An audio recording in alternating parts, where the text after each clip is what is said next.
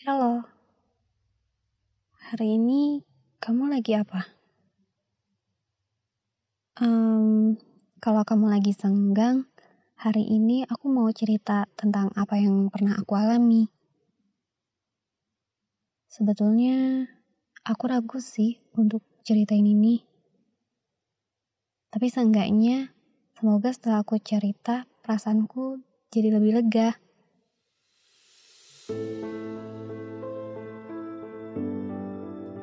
Ini tentang aku dan ibu.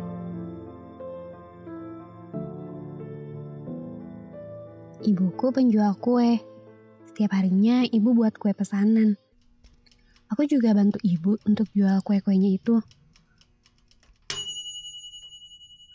Kue ibu enak banget.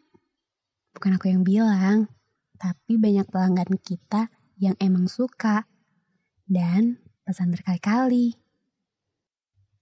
Oh iya, ibu selalu ngajarin anak-anaknya untuk bisa mandiri.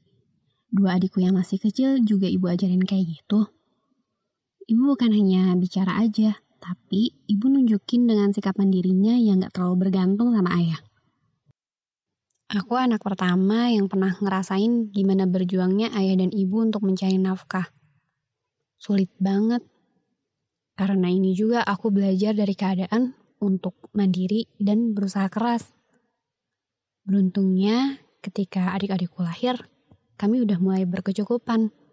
Usaha ibu udah semakin maju.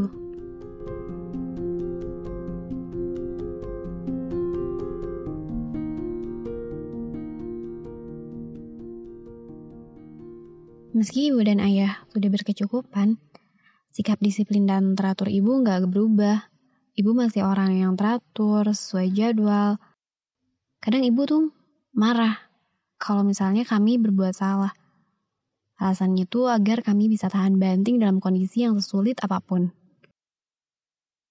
Tentang kedisiplinan dan tegasnya ibu, ada satu cerita yang aku nggak bisa lupain sampai sekarang. Waktu itu aku masih kelas 1 SMA. Jarak sekolah dan rumahku itu jauh banget. Makanya aku harus pergi dari jam setengah 6 pagi.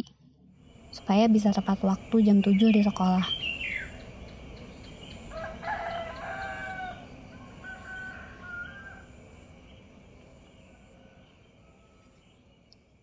Sampai satu waktu sekolahku lagi ada acara dan kebetulan aku panitia. Jadi setelah acara aku harus ikut rapat evaluasi setelah zuhur. Setelah kegiatan dan rapat itu selesai, aku buru-buru langsung pulang ke rumah. Aku takut banget terlambat. Di rumah tuh masih ada kerjaan yang belum aku selesain. Aku belum ngebantuin ibu untuk bikin adonan kue. Untungnya sampai rumah aku belum terlambat. Aku masih bisa istirahat sebentar sebelum bikin adonan. Karena aku capek banget, udah acara terus di perjalanan juga.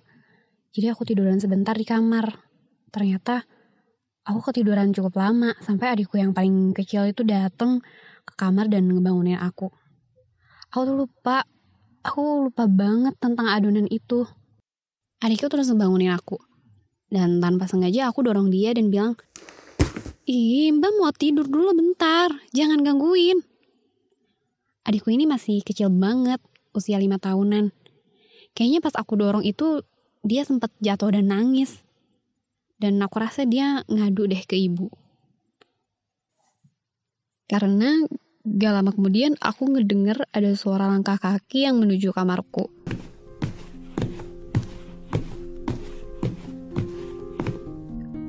Langkahnya itu keras dan kenceng banget.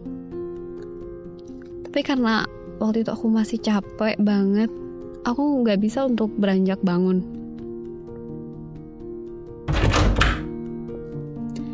Ibu buka pintu kamar aku, dan aku mulai setengah sadar.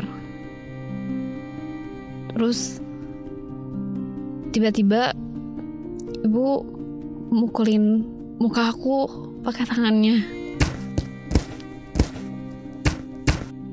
Dan di tangannya itu ada cincin.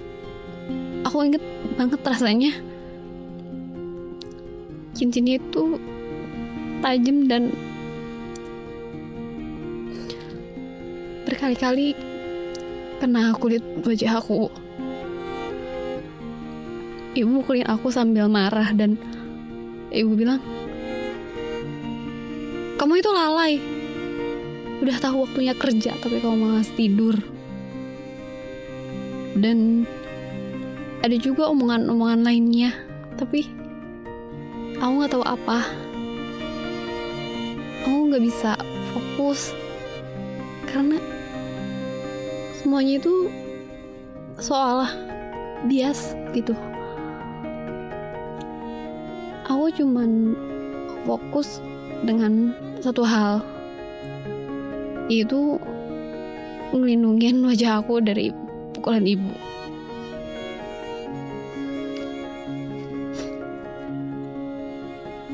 Aku gak berani untuk bangun saat itu. Aku cuman tiduran aja sambil ngelindungin wajah aku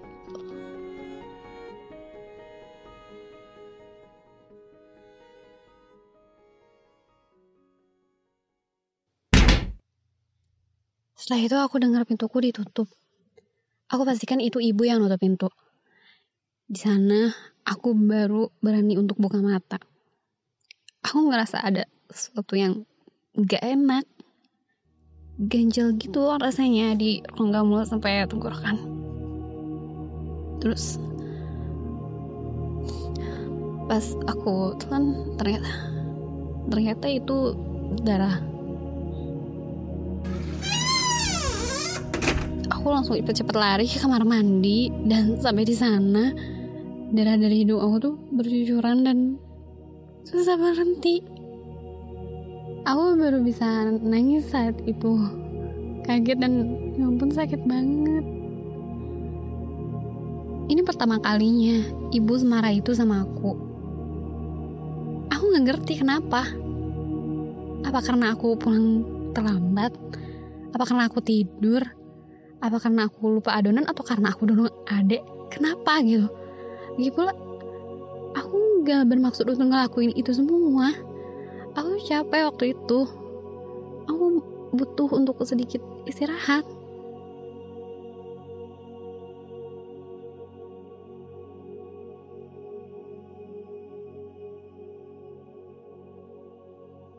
Gak ada yang tahu kejadian itu. Begitu juga adik aku. Gak tahu sih, apa adik aku itu ingat atau enggak. Gak tahu juga dia lihat atau enggak. Dan aku gak pernah berani untuk cerita tentang ini kepada siapa pun. Termasuk juga ke ayah aku. Beberapa hari setelahnya, aku baru tahu. Ternyata ibu kecapean dan lagi ada masalah. Jadi mungkin ibu gak bisa ngontrol amarahnya saat itu. Dan saat ngeliat aku yang seharusnya kerja tapi malah tidur, jadilah aku pelampiasannya. Tapi kamu tahu nggak, sampai saat ini, ibu tuh nggak pernah ngungkit masalah hari itu. Bahkan apalagi minta maaf. Rasanya tuh setelah kejadian itu semua selesai, ya udah selesai gitu aja. Kayak gak pernah terjadi apa-apa.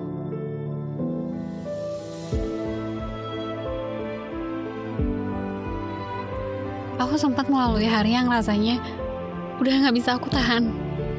Rasa sedih sakit dan saking sakitnya perasaan aku aku juga ngelewatin hari-hari di mana aku marah banget sama ibu. Aku ngerasa ibu itu berlebihan dan gak gampang untuk aku bisa lupa masalah itu. Butuh bertahun-tahun sampai aku mulai biasa dan seolah gak pernah terjadi apa-apa. Meski kadang aku masih ingat kejadian itu saat lihat ibu. Sekarang semuanya udah biasa. Toh aku juga udah tahu ibu punya masalah hari itu.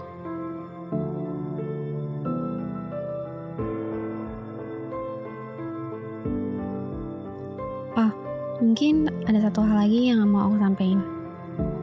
Aku tahu hal yang kayak gini gak cuman aku yang ngalamin. Mungkin ada beberapa dari kalian yang pernah ngalamin juga. Kalau iya, semangat terus ya. Jangan terus-terusan sedih. Seenggaknya, ingat aja, ada aku yang sama-sama ngerasain apa yang kamu rasain.